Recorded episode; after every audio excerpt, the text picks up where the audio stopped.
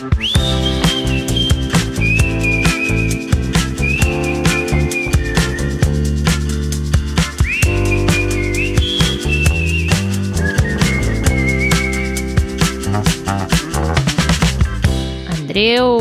Ei, Sílvia, com va això? bé? I tu? Molt bé. Bé, estic una mica emprenyat amb les aplicacions aquestes tipus TikTok i Reels de YouTube i... saps? Perquè són un autèntic Zeitfresser, no? Un, un devorador de... És Sí, una brutal. mica. Però han de saber també el que t'ensenyen, eh? Perquè, o sigui, jo em puc passar mitja hora veient vídeos d'animals, però si m'ensenyen altres coses no m'interessa gens, o sigui, ho tenco al cap de dos segons. Clar, a vegades, com que això va... Mm, això funciona per algoritmes que desconeixem, doncs, òbviament et sortiran molts animals si, si sempre els mires, però també de tant en tant et surten coses diferents, no?, que, que no venen a tema, Mm -hmm. però uf, és molt addictiu això, i no m'agrada perquè, perquè estic caient a la trampa.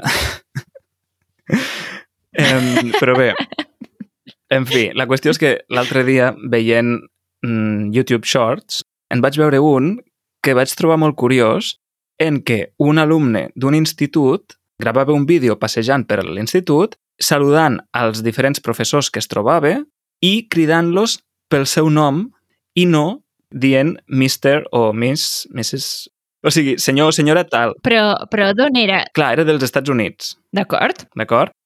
I per veure les reaccions dels professors quan un alumne els cridava pel nom i no pel cognom i amb, el, la, amb el, la fórmula de tractament. Boníssim. La majoria de professors s'indignaven, li deien eh, però-" o sigui, tenien una reacció com, no? com que aquell noi havia traspassat un, un límit, no? Una, Que no pot ser. Exacte, sí, sí, havia fet una cosa que no pot ser. I ho vaig trobar molt curiós, perquè, clar, aquí, que jo recordi, quan jo anava a l'institut o a l'escola, mai havia parlat de vostè a un professor, No, mai. no? Mai. O sigui, sempre de tu.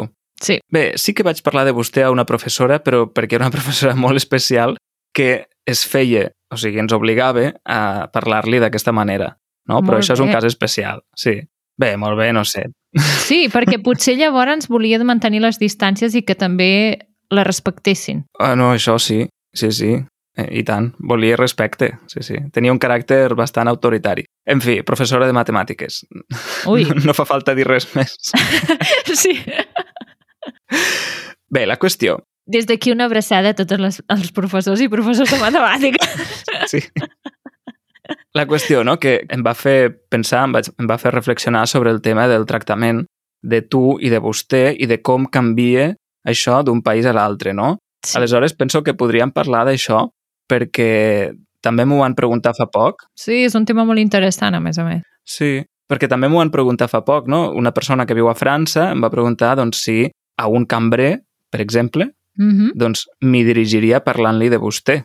I jo, òbviament, li vaig dir, doncs no. o sigui, en general, no. Aleshores, Sílvia, Mm -hmm. parlarem d'això, no? Del tractament de tu i de vostè.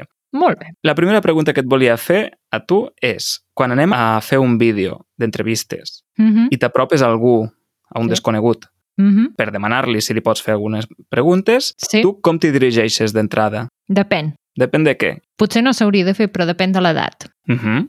Vull dir, si és, una, si és una persona jove o que jo intueixo que és jove, perquè clar, això de l'edat també és una mica relatiu, no? Però Clar. si jo veig que aquesta persona és jove de la meva edat, més petita o una mica més gran que jo, doncs amb aquesta persona li parlaré de tu i li diré Mhm. que et puc fer unes preguntes per un vídeo que estem gravant.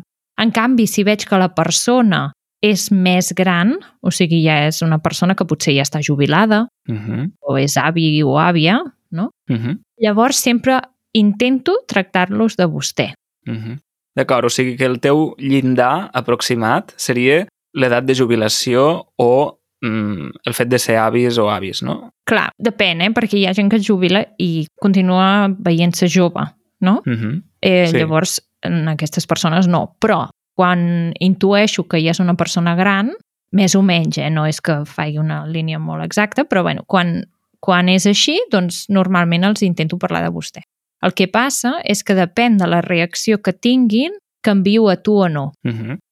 Clar, vols dir, Vols dir que si tenen una reacció com molt familiar, molt propera, no? Exacte. molt amigable, doncs segurament això farà que tendeixis a, a passar cap al tu, no? Sí, i això es pot veure, bueno, uh, no, no es pot veure perquè ho editem, però si agaféssim tota una entrevista sencera que li faig a una persona que és una persona gran, veuríeu que al principi de tot les primeres preguntes són de vostè i a mesura que va passant l'entrevista, com que em van explicant coses i ens fem com més amics durant aquella Mhm. estona, Clar. doncs al final li acabo tractant de, de tu. Uh -huh. I sense demanar-ho, entenc, no? Vull dir que no fas, ho fas de manera natural, fas un Sí. canvi natural segons com es desenvolupa la conversa, no? Sí, i també m'ha passat moltes vegades que començo de vostè i de seguida em diuen no estem gravant, eh, encara, però de seguida em diuen no, no, no, no em tractis de vostè, tracta'm de tu. I llavors, quan em fan això, em costa molt. Ah, sí? Em sap greu, però és que tinc... O sigui, no ho he fet com per, perquè jo vull, sinó perquè l'altre m'ho està demanant i em costa molt canviar tu. I llavors sí que ho faig, eh? però, però és una cosa que, que llavors em costa.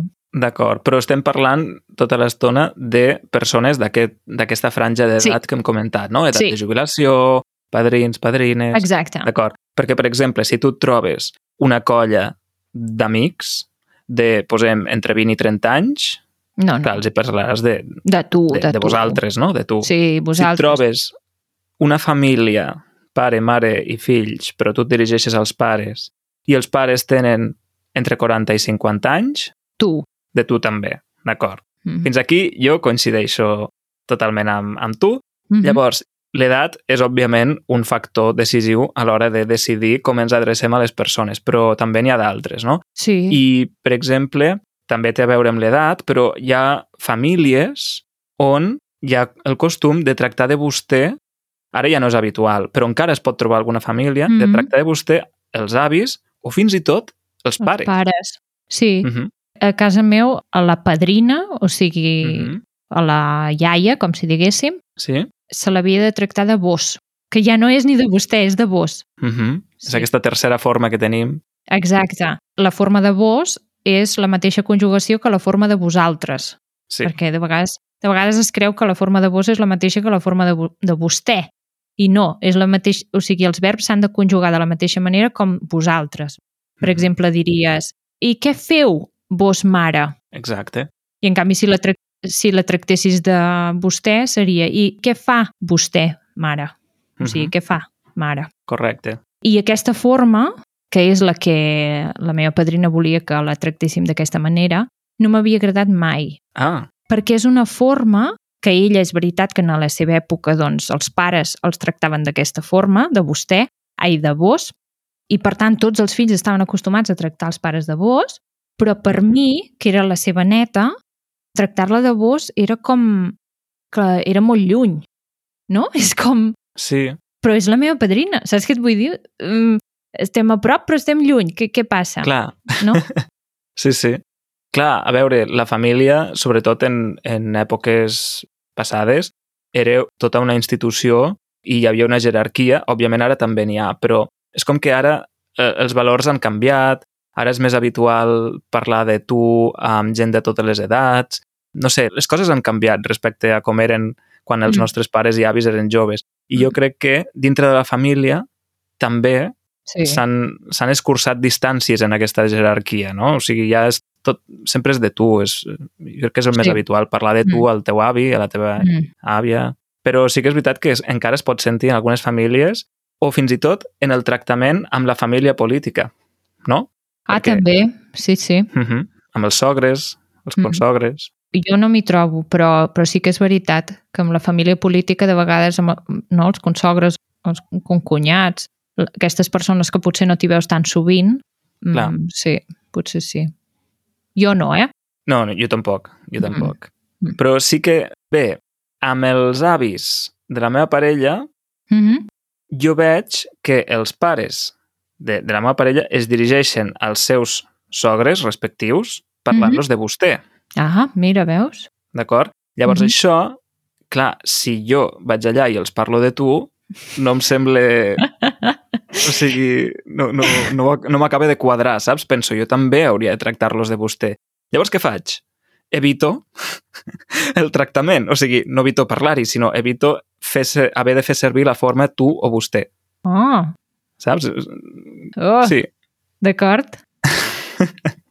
Però vulguis que no, tot i que no diguis tu o, o que no diguis vostè, el verb l'has de conjugar d'alguna manera. sí, sí. Bé, no sé, és que tampoc hi he parlat gaire, eh? però quan Saps que deus trobat... fer una barreja. Sí, suposo que sí. segur, final. segur. Sí, sí. sí. Però suposo que tendiria més cap al vostè, perquè veig que ja és com la formalitat establerta no? en, aquell, Mm. amb aquelles Mhm. persones. Bé, en fi, canviem, sortim de la família, sortim al carrer, anem a un bar, a una botiga, al supermercat. Com ens dirigim als cambrers o dependents? Normalment de tu, però amb Mhm. respecte, eh? Uh -huh. Amb aquestes persones sempre els hi, els hi dono les gràcies, no? Dic gràcies, merci, els hi dic sisplau, bon dia, que hi ha molta gent que Mhm. se'l descuida, eh? Uh -huh. no cal que faci servir la forma de vostè per tenir aquest respecte amb l'altra persona, no? I crec que això és Mhm. important. Tot i això, crec que hi ha vegades que quan ens dirigim a un cambrer fem servir també la forma de vostè, no? Perquè quan dius, posi'm un cafè, això no és la forma Sí. de vostè? A mi trobo que aquesta forma de vostè em sona bé, però crec que no, que no la faig servir. Posi'm. Ah. O sigui, crec que la podria fer servir si el cambrer en qüestió tingués una certa edat. Mm, Però si és un cambrer que té, per exemple, la meva edat o més jove, mm. no li parlaria de vostè. O, per exemple, que em posarà un cafè? Sí, però tampoc, eh? O sigui, el, No? per mi l'edat seria el factor decisiu. D'acord. Sí, sí. I a mi em passa una cosa també que hi ha gent que quan s'aproxima, doncs això, bé, parla amb un cambrer o un dependent, ja d'entrada ho fa de manera molt propera, no? Mm. Encara que no es coneguin de res, però és com que la seva manera de parlar amb aquests desconeguts, que són gent de cara al públic, Mm. és de manera molt propera i de seguida diuen un tu. Per mi, però jo crec que això és cosa meva, Mm. a mi em costa molt, o em costa més, diguéssim, parlar de tu directament fent servir el tu, no? fent servir el pronom fins i tot, o, o, o et, o, saps? O sigui, els derivats, quan no conec aquella persona. Llavors, crec que opto per fórmules més impersonals, o simplement, doncs, en lloc de posa'm, posi'm, diria voldria tal, Clar, saps? Sí. també. Sí, Senzillament. Sí. Mm -hmm. És que en realitat potser el tu, tu no el fem servir gaire, no? Vull dir, la, la paraula tu. Hmm. Perquè quan dius el tu, ja, per mi ja té com una connotació diferent, no? Tu, posa'm no sé què. Clar, és que, hosti, no? Estàs dient aquí com una ordre, no? Clar, tornem a l'entonació, no? Però, per exemple, sí que hi ha molta gent que pot entrar a una fleca, per exemple, un forn, i dir què tens, pa Sí, de cibada, Sí. què tens no sé què. Mm -hmm. Jo preferiria dir què teniu, sí, fer un plural. sí. I és més, és més. Hi ha molta gent, això és molt curiós, hi ha molta gent que tenen un negoci, no? que són autònoms Mhm. i tenen un negoci, i són persones que són autònoms que estan sols, o sigui, no tenen treballadors. Són ells sols. I tot Sí. i això, sempre parlen de nosaltres. T'hi has fixat mai? Sí. O sigui, sempre diuen, sí, a la nostra estètica obrim de dilluns a divendres. I tu dius, però Teresa, si ets tu sola? Saps? Sí, però jo crec que aquí és més una qüestió de màrqueting, no? Perquè així ho vens més com... Ei, tinc, tinc una empresa, no? Jo crec que també, o sigui, sí, pot ser, però també crec que té a veure amb el fet de que si només dius a la meva estètica, no? Queda com molt jo, no? Com molt egoista, com molt... Eh, Sí. no? I queda Mhm. millor quan fas el... Sí, doncs estem molt bé aquí. Saps què et vull dir? I Clar, és que és més-. És més impersonal, no? Perquè si tu dius no, és que obro a les 4. Llavors, és com Sí. que això dona peu que et jutgin. Sí, perquè tu obres, perquè tu fas aquell horari i ets tu, saps? Sí. En canvi, si és l'empresa, ja s'entén doncs, que és una cosa sí. més, no sé, consensuada, establerta, sí. no? Més oficial, no sé com dir-ho. No, és que no obrim fins les 4. Ja, ja Clar. dius, ah, d'acord, d'acord. No hi tens res a fer. En canvi, si diu, no, és que no obro fins les 4, llavors dius, dona, doncs, escolta, quina migdiada que, que fas, no? No et vindrà de 5 minuts. Exacte. Sí, sí. Jo crec que és això, eh? Mm -hmm. Sí. Són estratègies comunicatives, totalment. que curiós. Molt bé.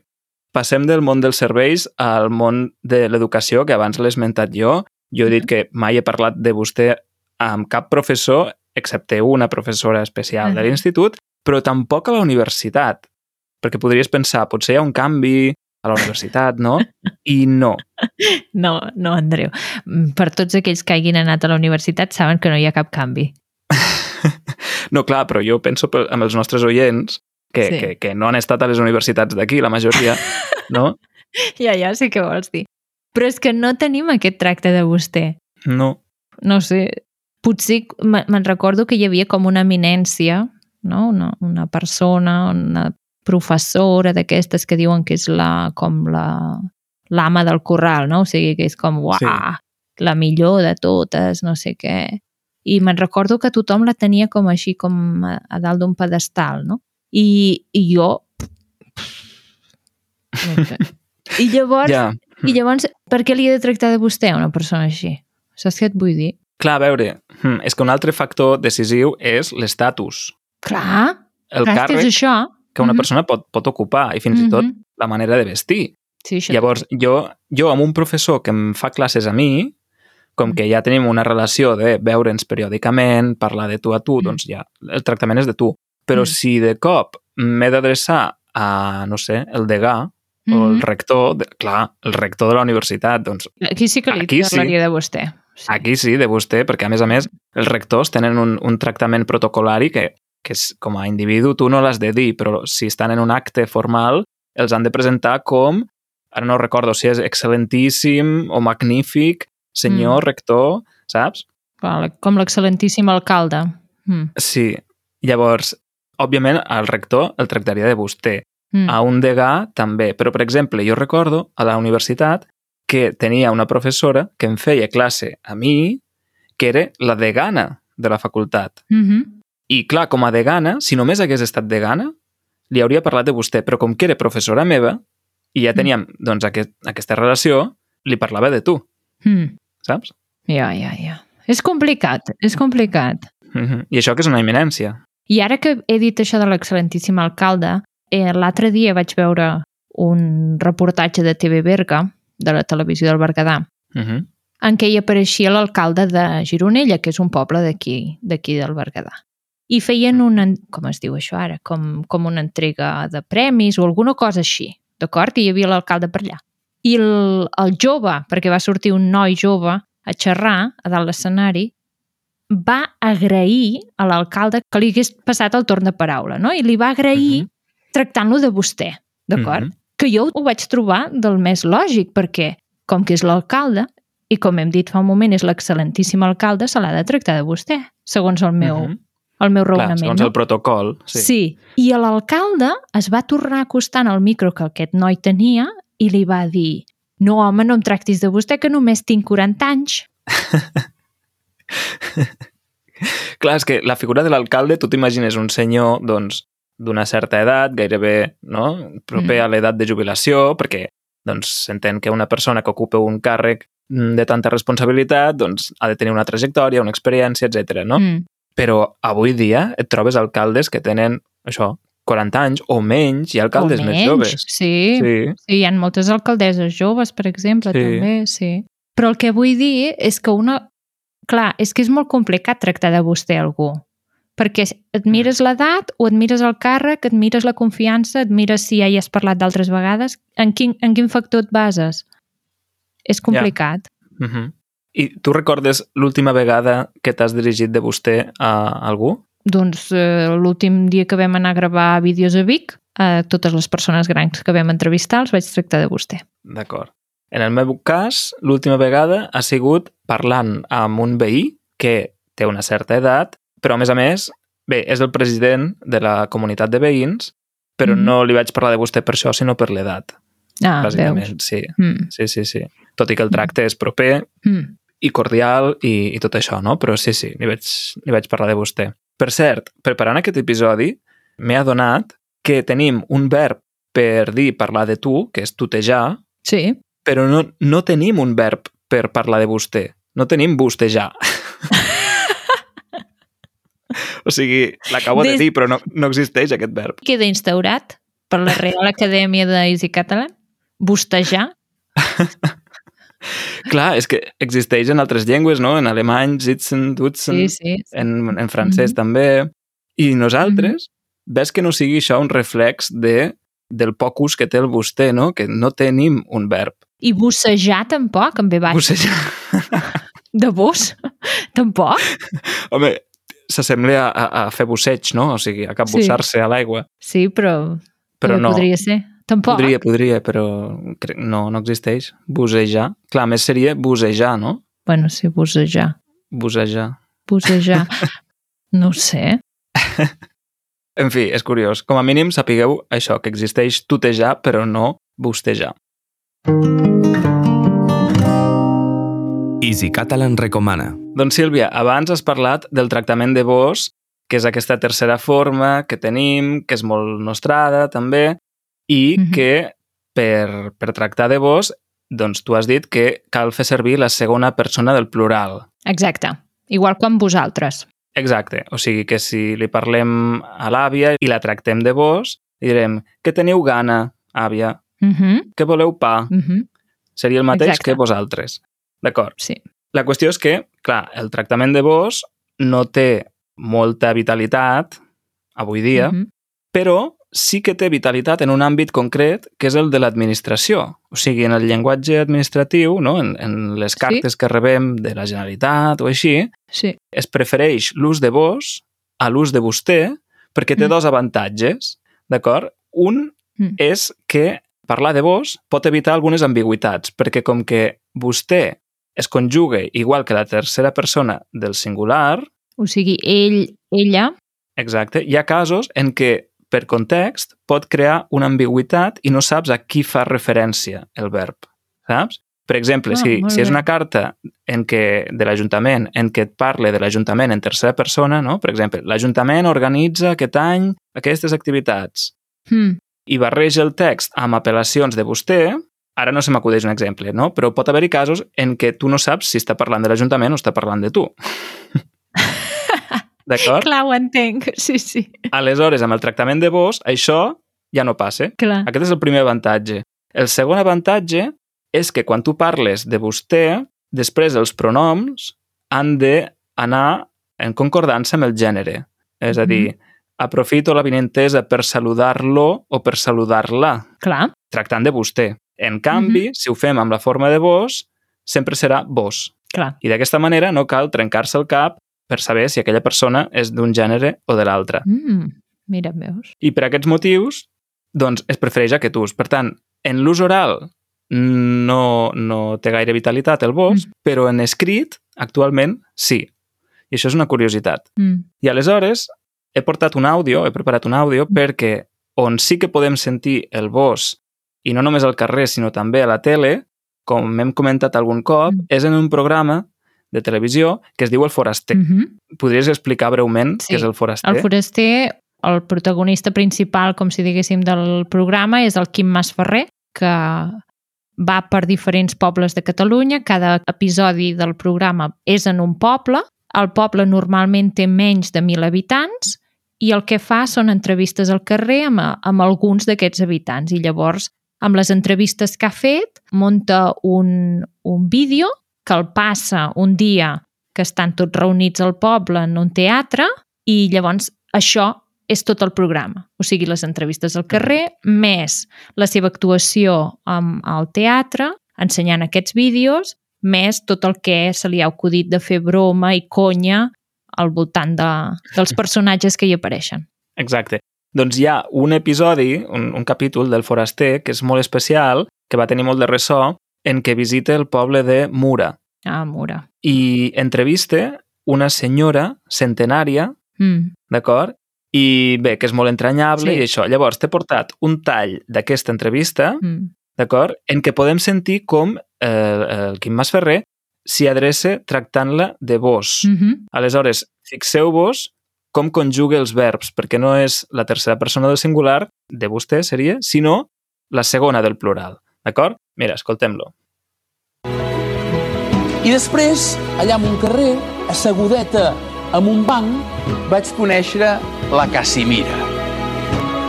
Hola, senyora! Hola!